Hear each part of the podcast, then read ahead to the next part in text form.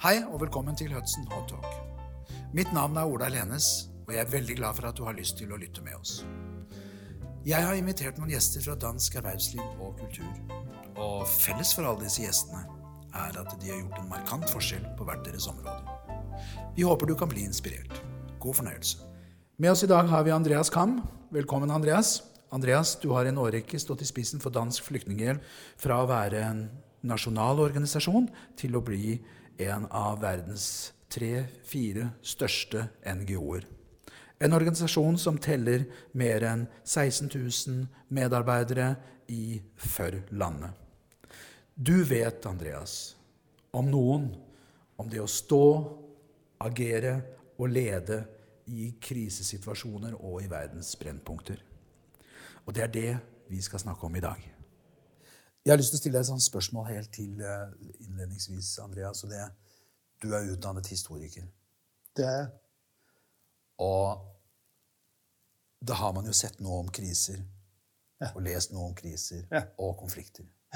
Hvis vi skal ta denne koronaen nå, og så sammenligne den litt med historien hva, hva, hva, hva er det du umiddelbart tenker på da? Jamen, det er jo en voldsom krise, som kan sammenlignes med mange store historiske kriser, krige og andet, men, men øh, jeg har fået tanken hen på, på pesten 1450, som vi ved faktisk reducerede mange landsbyer til det halve eller en tredjedel af deres øh, befolkningstal. Og jeg har søgt lidt, selvom det lyder mærkeligt, en lille smule opmuntring ved at læse om, at nok var krisen et kolossalt tab og en kæmpe udfordring. Men efterfølgende kom der et lige så kolossalt opsving, øh, fordi efterspørgselen efter arbejdskraft og kvalificerede mennesker og alt muligt andet steg eksponentielt. Så katastrofen blev fuldt af fornyet fremgang. Og, og det kan man, når man kigger mistrøstigt på coronakrisen, som er forfærdelig verden over, så må man håbe, at vi formår at øh, tage, det, tage et afsæt til noget bedre. Og der tænker jeg jo på alle de andre ting, vi har på, på agendaen. Kan vi få noget klimapolitik ud af det? Kan vi få nogle menneskelige erkendelser med fra det? Øh, noget mere empati? Kan vi få stærkere fællesskaber og alt muligt andet? Forstår vi bedre, at vi må holde sammen i EU og Europa? Forstår vi bedre, at vi må tale ordentligt med Putin og andre osv.? Eller ryger vi tilbage i nogle af de øh, brudflader, vi har kæmpet så meget med? Det ved jeg ikke, men, men man kan jo håbe på, at vi lærer af det. Jo, og apropos det, gjorde man noe i, hva skjedde i pesten? Lærte man noe av den? Ja, man lærte jo i hvert fald øh, fornyet fremgang. Altså ja. at, at øh, og jeg ved ikke, om, man, om det enkelte menneske, det tør jeg ikke sige, lærte andet af det, end at øh, der var grund til at, at kæmpe med for at vende tilbage til, til fremgang. Øh, men der var også nogle økonomiske dynamikker i det, som betød, at der var medvind på nogle økonomier, fordi der var efterspørgsel efter mennesker, der kunne lave noget, og som var kvalificeret. Det er jo ikke sådan, øh, vi ser corona lige præcis, men billedet af, at, at øh, der er en anden side af en krise, som øh, måske kan lære os noget og være med til at løse nogle af de udfordringer, vi ikke har været villige til at gribe an på en ny måde. Det, det kunne godt tænkes, synes jeg. Ja, jeg, jeg har stilt meg det samme spørsmålet om kommer vi til å få en, en, en endring av dette her. Jeg er ikke så sikker. Jeg tror kanskje vi har lært oss noe. noe. Kan måske vi lærer oss noen nye måter å arbeide på, eller Ja. disse, disse tingene. Ja. Men jeg opplever like mye at folk lengter tilbake igjen til å liksom komme til Nej, øh, det har jeg reflekteret lidt over, altså, og min konklusion var, at jeg skrev en klumme forleden om det. Øh, vi skal kæmpe for at få noget med herfra. Det kommer ikke af sig selv. Det tror jeg, du har ret i. For vi er tilbøjelige til at søge tilbage til det, den kendte normal, som mennesker tror jeg. ja. Så hvis ikke vi kigger hinanden i øjnene og siger, hey, hvad fik vi ud, altså hvad kunne vi lære af dette her? Vi er jo godt klar over, at vi har kunne holde møder på video, og lade være med at flyve flyvemaskiner, bare fordi vi skal snakke sammen to og to. Øh, der er mange genveje, vi har opdaget. Jeg håber, vi husker dem, og lader os inspirere til at finde endnu nye genveje, når vi taler de store kriser, eksempelvis klimakrisen og konflikter i verden og sådan nogle ting. At vi besinder os med de erfaringer, vi har med fra coronakrisen. Jeg er ikke sikker, så jeg er enig med dig. Det er jeg simpelthen ikke sikker på, men jeg håber på, at nogen af os vil kæmpe for det. Ja, for det handler jo lidt om dig og mig. Ja. Og alle os mellem ja. hverandre. Hva, hva har, vi har lært noget digitalt, som du siger, og så har vi lært at fly lidt mindre. Det er, dejl, det er dejligt at se en sådan en uh, flyfri himmel for øvrig. Men, men jeg tænker på, har vi lært noget, hvordan, hvordan er det, vi agerer sammen? Altså, er savnet for uh, at give krammer og være i sociale, vil det eksplodere dette? Jamen, det er jo et godt spørgsmål, synes jeg, fordi vi har måske både tabt og vundet når jeg, jeg tænkte på forleden, at, at noget af det, som jeg har erfaret er vigtigt i en virksomhed, når vi taler, hvad man har af kapital, det er faktisk også den sociale kapital eller fællesskabets kræfter. Og der kan man godt være lidt betænkelig ved, om nogle af fællesskabets kræfter nedbrydes ved afstand og frygt for hinanden. Er du nu smittet, eller tør jeg snakke med dig i dag osv.? Øh, det kan jeg være bekymret over. Der håber jeg, at vi så i virkeligheden får klaret det med vaccinationer og den slags ting, så man kan komme tilbage til en lidt tættere social sammenhæng, fordi det er faktisk en vigtig, en vigtig kapital i samfundet og i enhver virksomhed, i enhver institution, at vi er sammen og tør være det. Jeg, jeg læste et eller andet sted, at, at en af grunden til, at vi sådan næsten i hele Norden har klart å holde både dødeligheten ja, ja. nede, er jo nettopp at vi har den der sosiale kapitalen, at vi kan holde sammen, og at vi enes om Ja, så det er jo rent nok, at vi, vi kan holde sammen om ikke at kramme hinanden. Ja. men kan vi blive ved med at undvære at kramme hinanden, det ved jeg ikke. Men, men du har jo ret i, at fællesskabets kraft har også vist sig positivt her, at vi, vi kan kigge hinanden i øjnene og sige, nu forstår vi godt, at vi kan ikke give hånd, og vi må holde to meters afstand osv. osv. Det er jo også en social kapital, vi har med os. Det er jeg enig i. Men kan vi udvikle den? Kan vi få øje på, hvor vigtig den er? Det er jo samtidig, vi glemmer det. Ja, for det tænkte jeg lidt på, når jeg så, jeg så statsministeren i går, når de fortæller, hvem som skal åbne hvor. De har ikke noget forhold til hverken tatovører eller fitnesscenter. Ja. Men jeg synes bare, det var så, du lægger tydeligt mærke til, at når retter vi fokus på det, som skaber altså, organisationsdanmark, nå kan vi være sammen ja. og skabe denne sammenhængskraften, og at vi lærer enda mer om det. Nå er man jo riktig god til det i Danmark. Ja. Men, men apropos det der med, når man møder en krise, hvad er det så for ressourcer, man har med sig? Det er jo noget, ja. mange har beskæftiget sig med. Det har jeg også. Og, og det er jo klart, at øh, hvis man er forretningsmæssig, så tænker man, at det er godt at have en god egenkapital, altså penge i banken.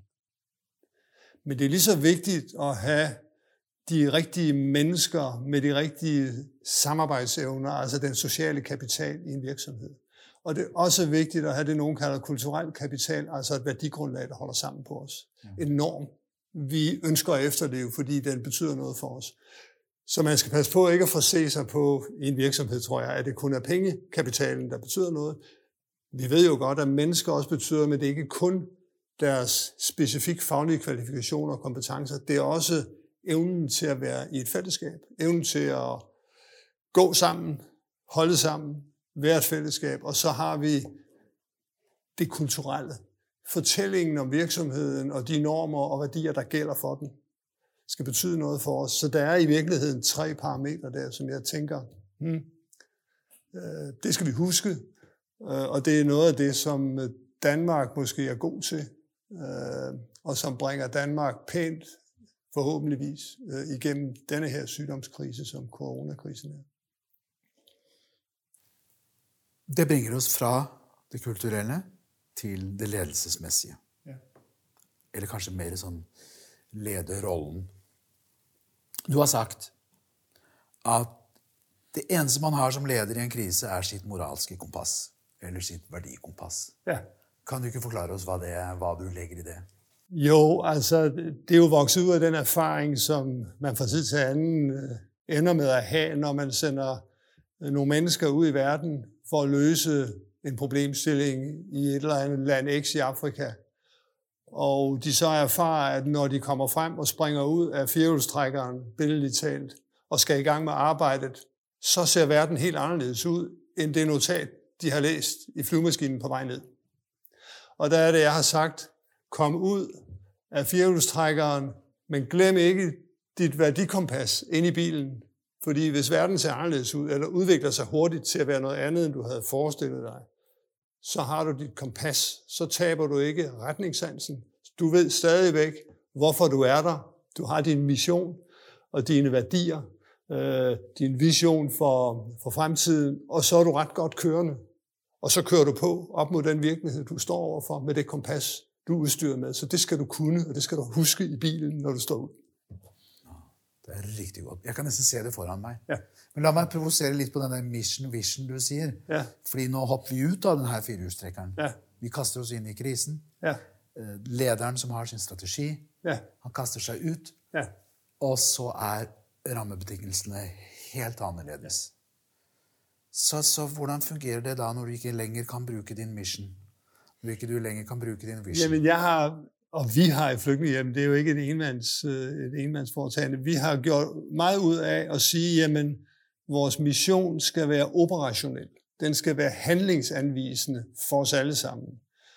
Så når missionen siger, vi hjælper flygtninge og fordrevne, det er til at forstå.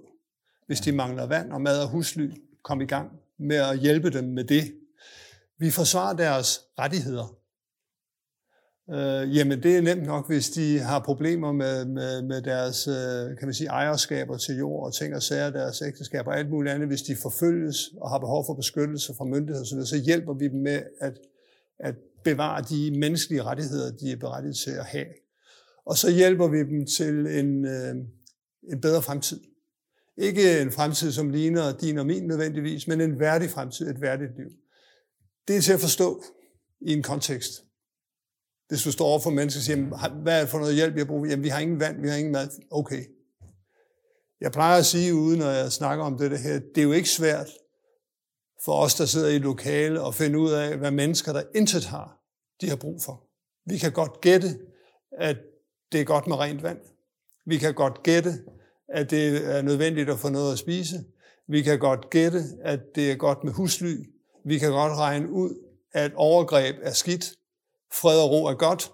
Jeg mener, det er ikke sværere end som så. Så husk nu, hvor enkelt et kompas er. Nord, syd, øst, vest. Det er ikke så vanskeligt. Takk, Andreas. Det fikk jeg med meg nå. Veldig nyttig. Jeg tenker på, når du, når du sier dette her, vi, vi, vi, Det er vanskelig å sette seg inn i, det er vanskelig å si hva de trenger, og sette seg inn i deres situasjon. Som coach opplever jeg at, at titt så, gjeld, så, så handler det om å perspektivere tingene. Og ja, koronakrisen, den var og er eh, forferdelig. Men når man har jobbet i, altså i brennpunkter som du har gjort, altså i de røde soner i hele din yrkeskarriere, Ja. og du ser diskusjonene rundt hva vi gjør, han håndterer her, er det noen perspektiver du vil dele med oss? Ja, men det er jo, man kan sige, mange har jo spurgt mig, hvordan, hvordan sådan nogle mennesker som jeg og mine kollegaer kan holde ud og gå fra den ene krise til den anden, uden at vi opgiver og tænker, at det her nytter ingenting. Og det kan jeg godt forstå, fordi øh, antallet af flygtninge har været stigende i mange år, og er topper i de her år med over 70 millioner. Antallet af kriser vokser hvert år. Så det er jo ikke sådan, at vi har løst de her opgaver. Så hvordan kan vi holde det ud, og hvordan kan vi tro på det? Og jeg, jeg plejer i virkeligheden helt selvoplevet at sige, jamen, det der driver mig selv og mine kollegaer i, i Dansk Flygtningehjælp og har drevet os i mange år, det er jo i virkeligheden det meget nære. Altså der, hvor vi sætter ind, der nytter det. De mennesker, vi hjælper, har glæde af hjælpen og er glade for at få den. Så man kan samtidig sige, at jeg får næsten mere, end jeg giver.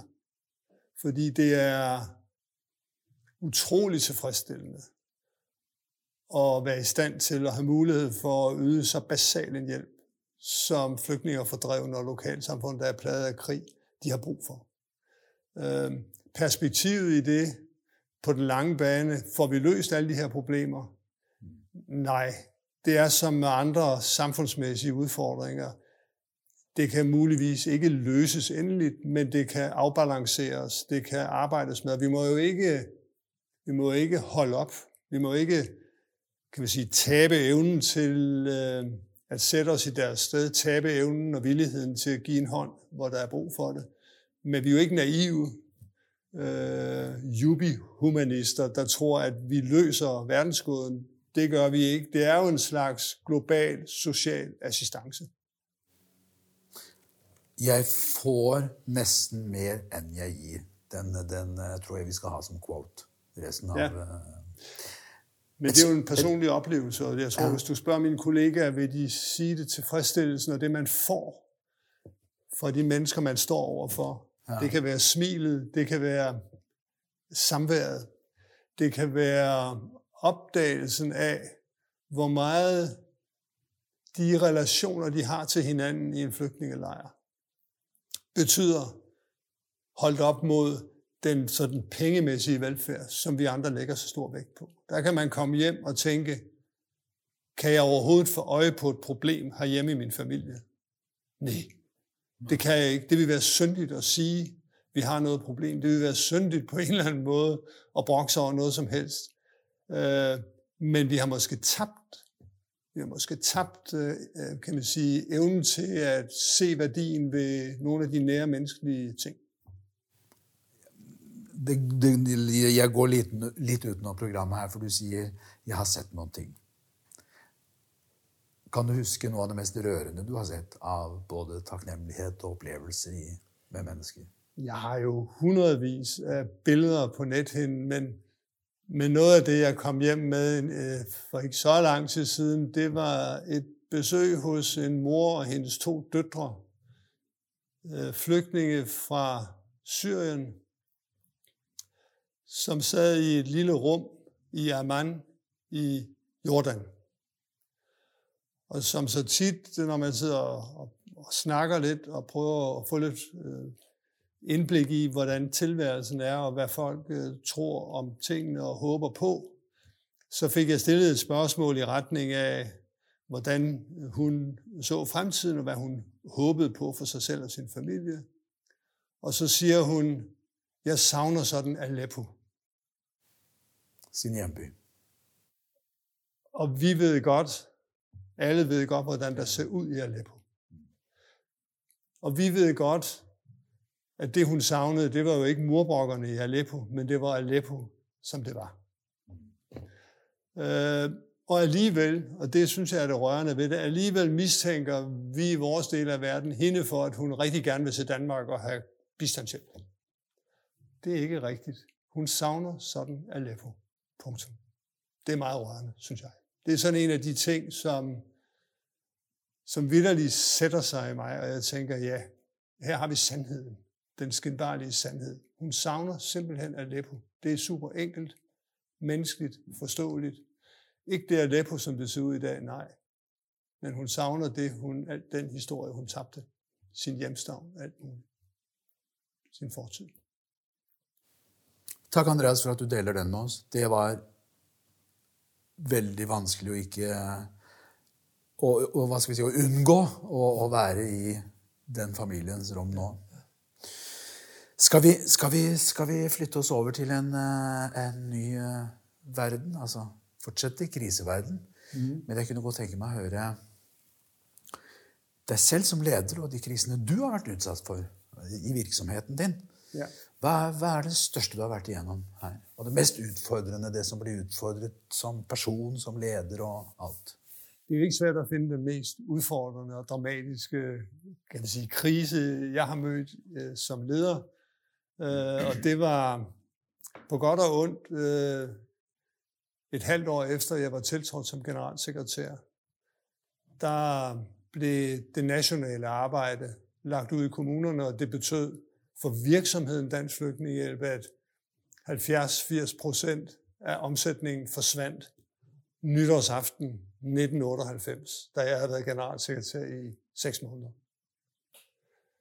Øh, og de fleste virksomhedsledere eller organisationsledere ved jo godt, at hvis så stor en procentdel af din omsætning er væk med et slag, så er overlevelseschancerne ikke vældig store.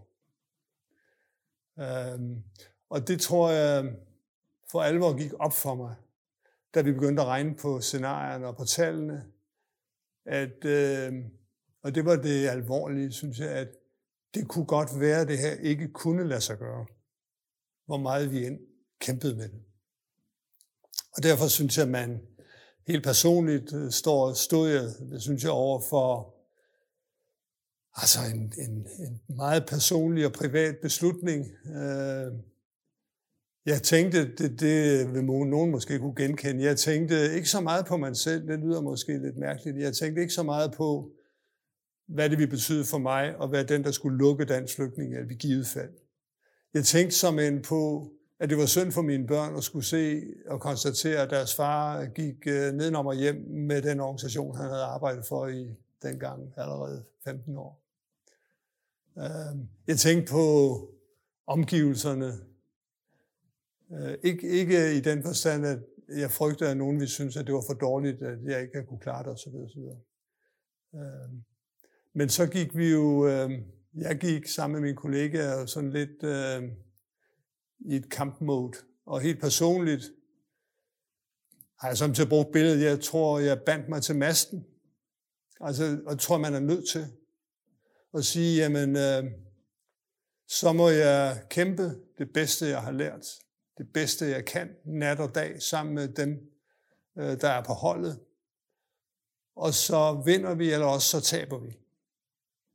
Og min far øh, sagde tit, øh, man kan falde på ærens mark. Mm. Det var jo noget, som man havde tænkt over som øh, frihedskæmper under 2. verdenskrig i Danmark, at det kunne være, at det kostede en livet, men så faldt man på ærens mark i kamp for det, man holdt af. Og jeg, jeg tænkte jo på den gamle, øh, da jeg, da jeg mødte denne her, og det lyder jo helt mærkeligt på en måde, men det gjorde jeg, og tænkte, jamen, øh, nu kæmper jeg alt, hvad jeg kan. Det kan være, det går godt. Det kan være, det går skidt. Det er der ikke noget at gøre ved. Nu giver vi den, hvad vi har i os. Og det var det, det var den ånd, der var på det team. For det var jo ikke en enmands her. Det var jo medarbejdere i Flygtningehjælpen, der havde det sådan, at nu giver vi den alt, hvad vi har i os. Og vi håber og tror på, at vi kan slås den hjem. Og jeg husker, jeg, jeg mødtes med, øh, med den person, der havde været en del af rekrutteringen af mig som generalsekretær. Øh, og hun sagde til mig, har du lyst til at snakke om det? For jeg fornemmer, at I er i en lidt øh, kritisk situation. Det sagde jeg jo ja til. Da vi så har snakket i fem minutter, så siger hun, jamen du har jo besluttet dig, kan jeg høre. Hvad siger du så? Jamen du har jo besluttet dig for, at du bliver, og ja. du tager kampen. Så sagde jeg, ja, det har jeg jo. Men i den dialog gik det op for mig, at jeg havde bundet mig til masten. Det har jeg aldrig fortrudt. Og jeg har tit brugt udtrykket, altså, det bliver du nødt til at gøre en gang imellem som leder, og sige, jamen, jeg bliver, jeg binder mig til massen, det kan I stole på. Øh, og så tager vi den, som den er. så vinder vi, eller også, så taber vi. Og så, og så sier du jeg hadde, jeg hadde det beste teamet med meg. Jeg skapte ja. kampånd, og jeg bandt meg til, til masten. Hvis vi skal gå enda mer personlig, hva ble du mest utfordret på i din læretid i den krisen der? Som person? Ja, men det var, jeg synes, det var meget komplekst faktisk. Øhm, jeg er optimist. Jeg har en god evne, tror jeg selv, til at se øh, mulighederne, til at se vejene, til at se den positive side ved noget, der ikke ser så godt ud. Øhm, og jeg tror, vi, øh, vi fik lært ud over den, det personlige held at have det lidt sådan. Så fik jeg øjnene op for, hvad det betyder at være stærk på værdier. Og jeg har tit brugt det billede, meget kan de tage fra os, men de kan ikke tage vores værdier fra os. Meget kan de tage væk under fødderne på os, men vores mission er fortsat vores mission.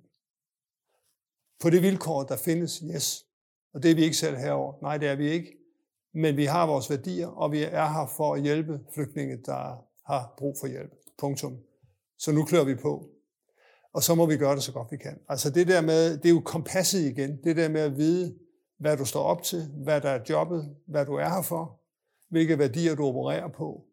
Det er jo sindssygt vigtigt, når det går op ad bakke, og når du er truet på eksistensen, så er det rigtig, rigtig vigtigt, at du ikke tvivler på din mission og dit værdigrundlag.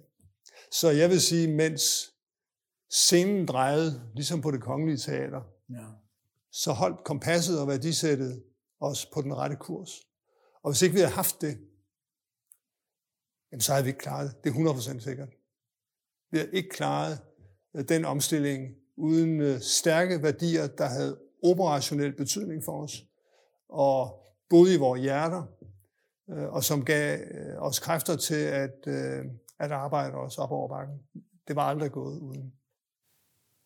Du har på et eller andet tidspunkt sagt, at ledelse er ledelse. Ja. At det er en navigasjonsøvelse i forandring. Ja. Det er fordi min, min oplevelse, det kommer jo ikke bag på nogen, er, at øh, mens nogen sådan fra tid til anden taler forandringer, nu skal vi forandre, eller nu skal vi lige have fokus på forandringsledelse, så plejer jeg at sige, øh, ledelse er at være i forandring non-stop. Altså ledelse er grundlæggende at navigere på havet. Samtidig stormer det mere end til andre tider, men det er altid noget med, at du skal holde retningen. Navigationsapparaturet skal være i orden. Øh, der kommer bølger den ene sted fra, der kommer storme det andet sted fra. Du kan ikke forudsige det hele, noget kan du godt kalkulere. Og jo mindre forudsigelige forholdene er, jo vigtigere er dit kompas, og jo vigtigere er dit navigationsinstrument. Og du kan jo sige en gang imellem, øh, kan du slet ikke forudse coronakrisen, kan du slet ikke forudse. Din lyskejle kan ikke se, at der er en coronakrise derude. Og når lyset ikke kan belyse de forandringer, der kommer, så er det desto vigtigere, at du har kompas, altså retningssans. Så jeg går meget op i øh, ruten fra, kan man sige, værdier, missioner, værdier, ned til resultater. For jeg tror, det der med at have retningssansen, holde kompasset intakt, og så operere langs det, når man laver sine handlingsplaner og sine kalkulationer og måler sine resultater. Det er en lige linje, men det er navigation hver dag. Hvis vi skal nå skal kigge ut på alle de lederne som, som sitter der ute, og hva skal de nå gjøre? Fordi jeg tror det var finansministeren som sa det her på nyhetene for et par uker siden, at vi kjører uten lykte i mørket. Og da skal det jo det, skal, altså, det kreves litt Andreas, til å tro på sin mission og sin vision. Yeah. Det er mørkt. Havet pisker, og vi har ikke lykter. Nej, det er rigtigt. Men jeg, jeg tror, det er rigtigt stadigvæk at sige, øh, jo dårligere lygter, eller hvis vi ikke har nogen, og det er sort mørke foran øh, bilen, jo vigtigere er det, at du har et kompas og en retning. For ellers så, så ved du seriøst ikke, øh, hvor du er på vej hen. Øh, så jeg tror på, at øh, jo mindre forudsigelig fremtiden er for den virksomhed, du er leder for, jo vigtigere er det, at du har virkelig seriøst orden i din mission, vision, dine værdier og dit kompas. Det er ikke sikkert, at du overlever. Det er jo klart. Men det er jo de lederne, som ikke ser kompasset engang. Ja. Det er så mørkt, at du ikke engang klarer at se kompas. Ja, men inde i bilen har du et lille kompas ja, øh, og en lille lommelygte, så du kan i hvert fald sikre, du ved ikke, hvad der er derude, men du kan sikre, at du, du holder retningen for det, du laver. Det tror jeg, altså, jeg ved ikke, om det står i nogen, noget formelhæfte, men, men, men det har i hvert fald været min, kan man sige, ledestjerne, det er at sige, mange forhold er vi ikke herover og de forandrer sig hele tiden, desto vigtigere er det, at vi ved, hvorfor vi er her, altså vores mission, og at vi har værdier, der er handlingsanvisende. Ikke værdier, der bare, skal man sige, ser skide godt ud på et stykke papir.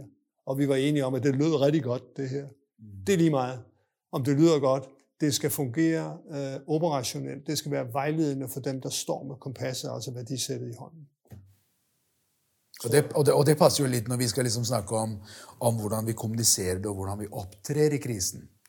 Og, og da tenker jeg på Det er jo én ting som jeg har sett mange ganger hos deg selv, men du har også blitt rost for det. Din stoiske og pragmatiske tilgang. Mm. Din noen ganger nesten irriterende måte å si tingene enkelt på. ikke sant? Og, og se løsningen på. Ja.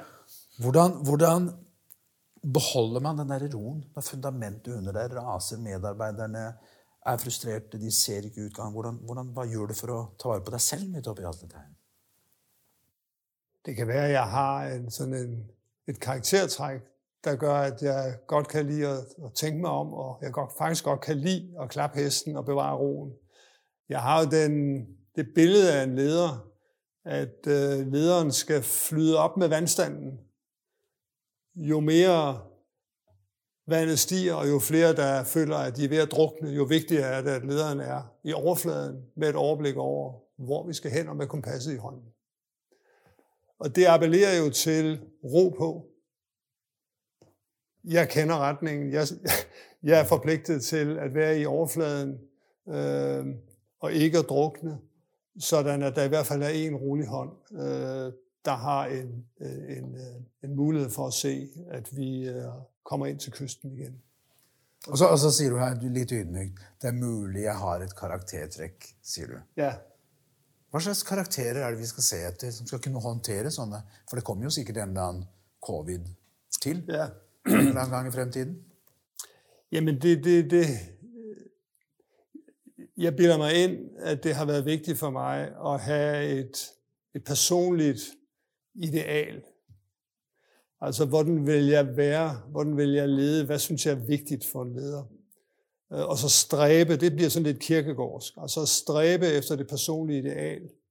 Og for mig har det været noget med rummelighed, noget med åbenhed, noget med, med kan man sige, tolerance og tillid og den slags ting, som betyder, at, at man ikke lader sig irritere at gå på af diversiteter og forskelligheder og forskellige personer osv., men omvendt i virkeligheden gider at prøve at se øh, andres vinkler, andres bekymringer, og tage det med i sine overvejelser og inddrage øh, det i sine overvejelser. Altså, det giver en vis ro, synes jeg.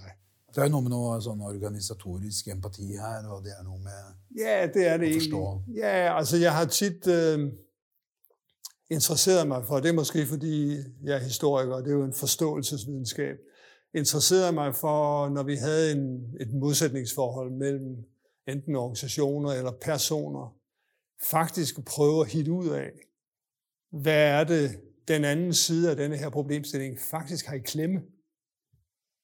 Hvad er det, der går dig på, Ulla, i det her spørgsmål? Hvad er det, du synes, du er i færd med at tabe eller miste, eller hvad der går galt for dig her? Og det, du har ansvar for.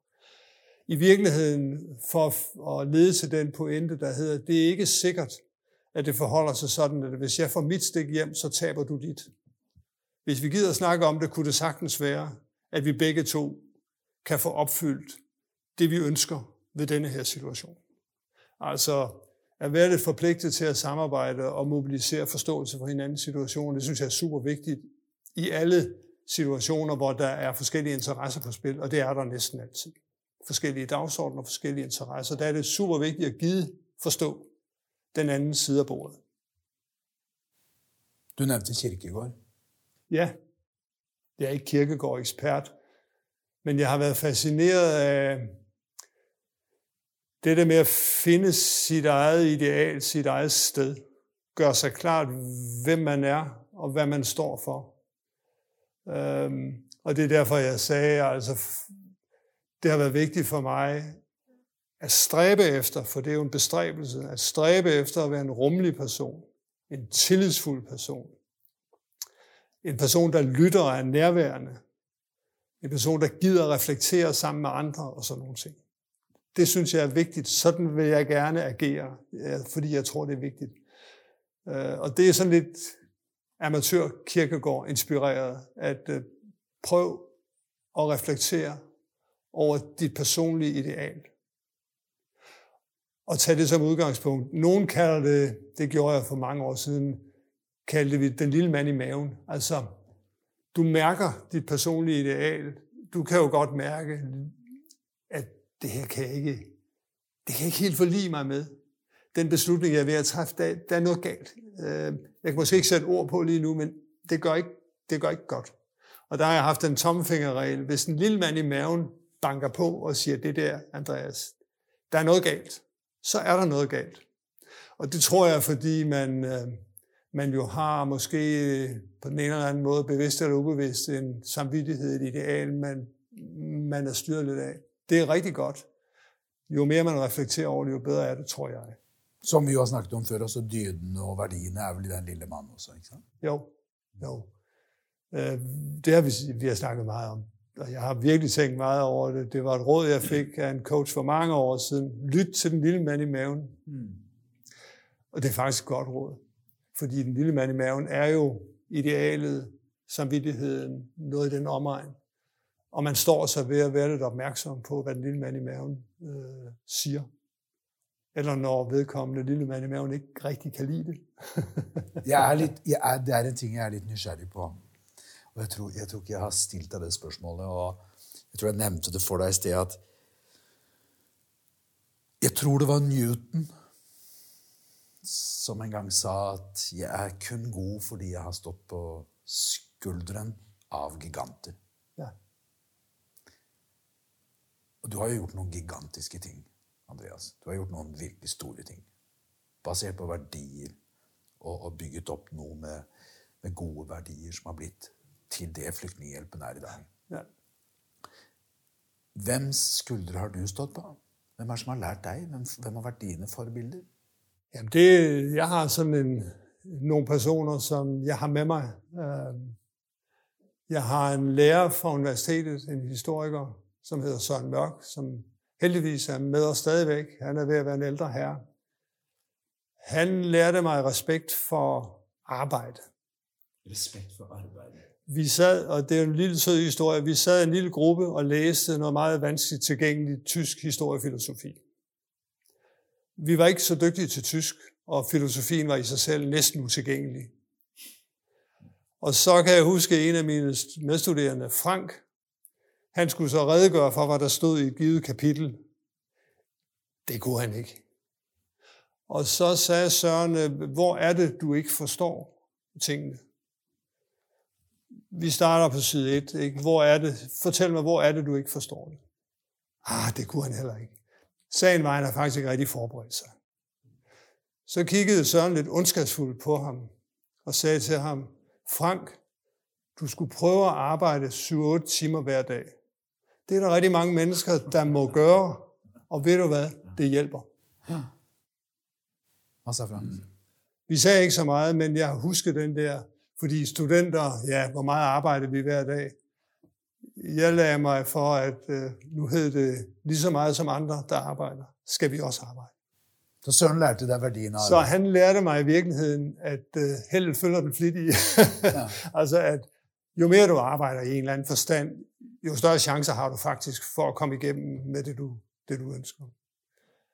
Øh, så, øh, så er jeg jo opdraget ledelsesmæssigt af Niels Foss, industrimanden Niels ja. Foss, øh, og øh, hvorfor har han haft så stor betydning for mig? Jamen, det kan være lidt svært at sætte ord på, men, men han var en mand af den gamle skole, og havde sådan nogle, altså ikke ukendte sætninger, men, men sætninger, som når han sagde dem, fik en særlig betydning. Han sagde jo, et ord er et ord. Det har vi hørt før. Men for ham betød det jo, at når vi havde et forretningsudvalgsmøde, og økonomichefen så ikke lige havde fået lavet det, som han havde sagt, han ville komme med til det pågældende møde, så var Niels Foss åbenbart ud af stand til at forstå, hvordan det kunne være. Fordi var det ikke en aftale? Eller var der noget, jeg misforstod? Så nogle fastheder kan jeg godt lide. Altså han forstod ikke det til det, kan du sige. Han var helt hjælpeløst uforstående hvis folk havde lovet noget og ikke leveret. Og, og han havde det til synligheden sådan, at han blev helt i tvivl og spurgte, øh, har jeg misforstået det, eller havde vi en aftale? Og da vi havde en aftale, så var den svær. Det er riktig Nå, godt at men, høre, at det er nogen, som har laget sådan vi øh, laget sånne spor, og, og som du har lært deg selv.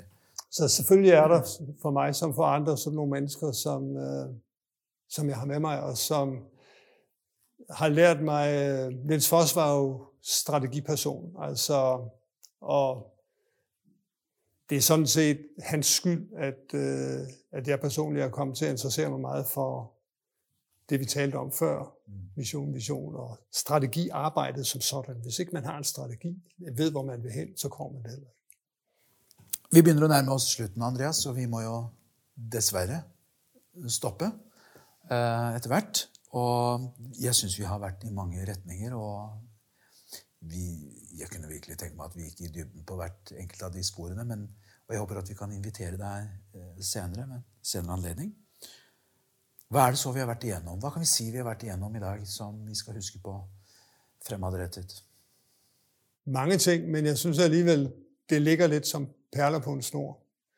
Øhm, jeg synes jo, vi har rundet, at hvor, hvor vigtigt det er, at man personligt har sitt sit ideal. Altså, og i virkeligheden er ude på en mission i sin virksomhed, der flugter nogenlunde med ens personlige ideal, så man fuldt og helt øh, kan man sige, kan gå ind for det arbejde, man, man har ansvar for. Og så er jeg jo dybt optaget af at øh, værdikompasset, altså vision, mission og grundværdier, øh, er operationelt og retningsgivende i en verden, der forandrer sig hele tiden, og at man er super opmærksom på det, øh, og at det er det, der er platformen for de øh, strategier, man, man udarbejder, om end lyset er kort eller langt, øh, så er man jo nødt til både at have retningssans med, med sit kompas, kunne du sige, og så have strategierne parat, så man ved, hvad man gør, øh, når man møder på arbejde mandag morgen. Øh, så der er en hel del ting der, jeg synes ligger øh, som perler, som perler på en snor, som vi har, som vi har talt om. Tusind tak, Andreas. Velkommen. Tak for det. Thank you.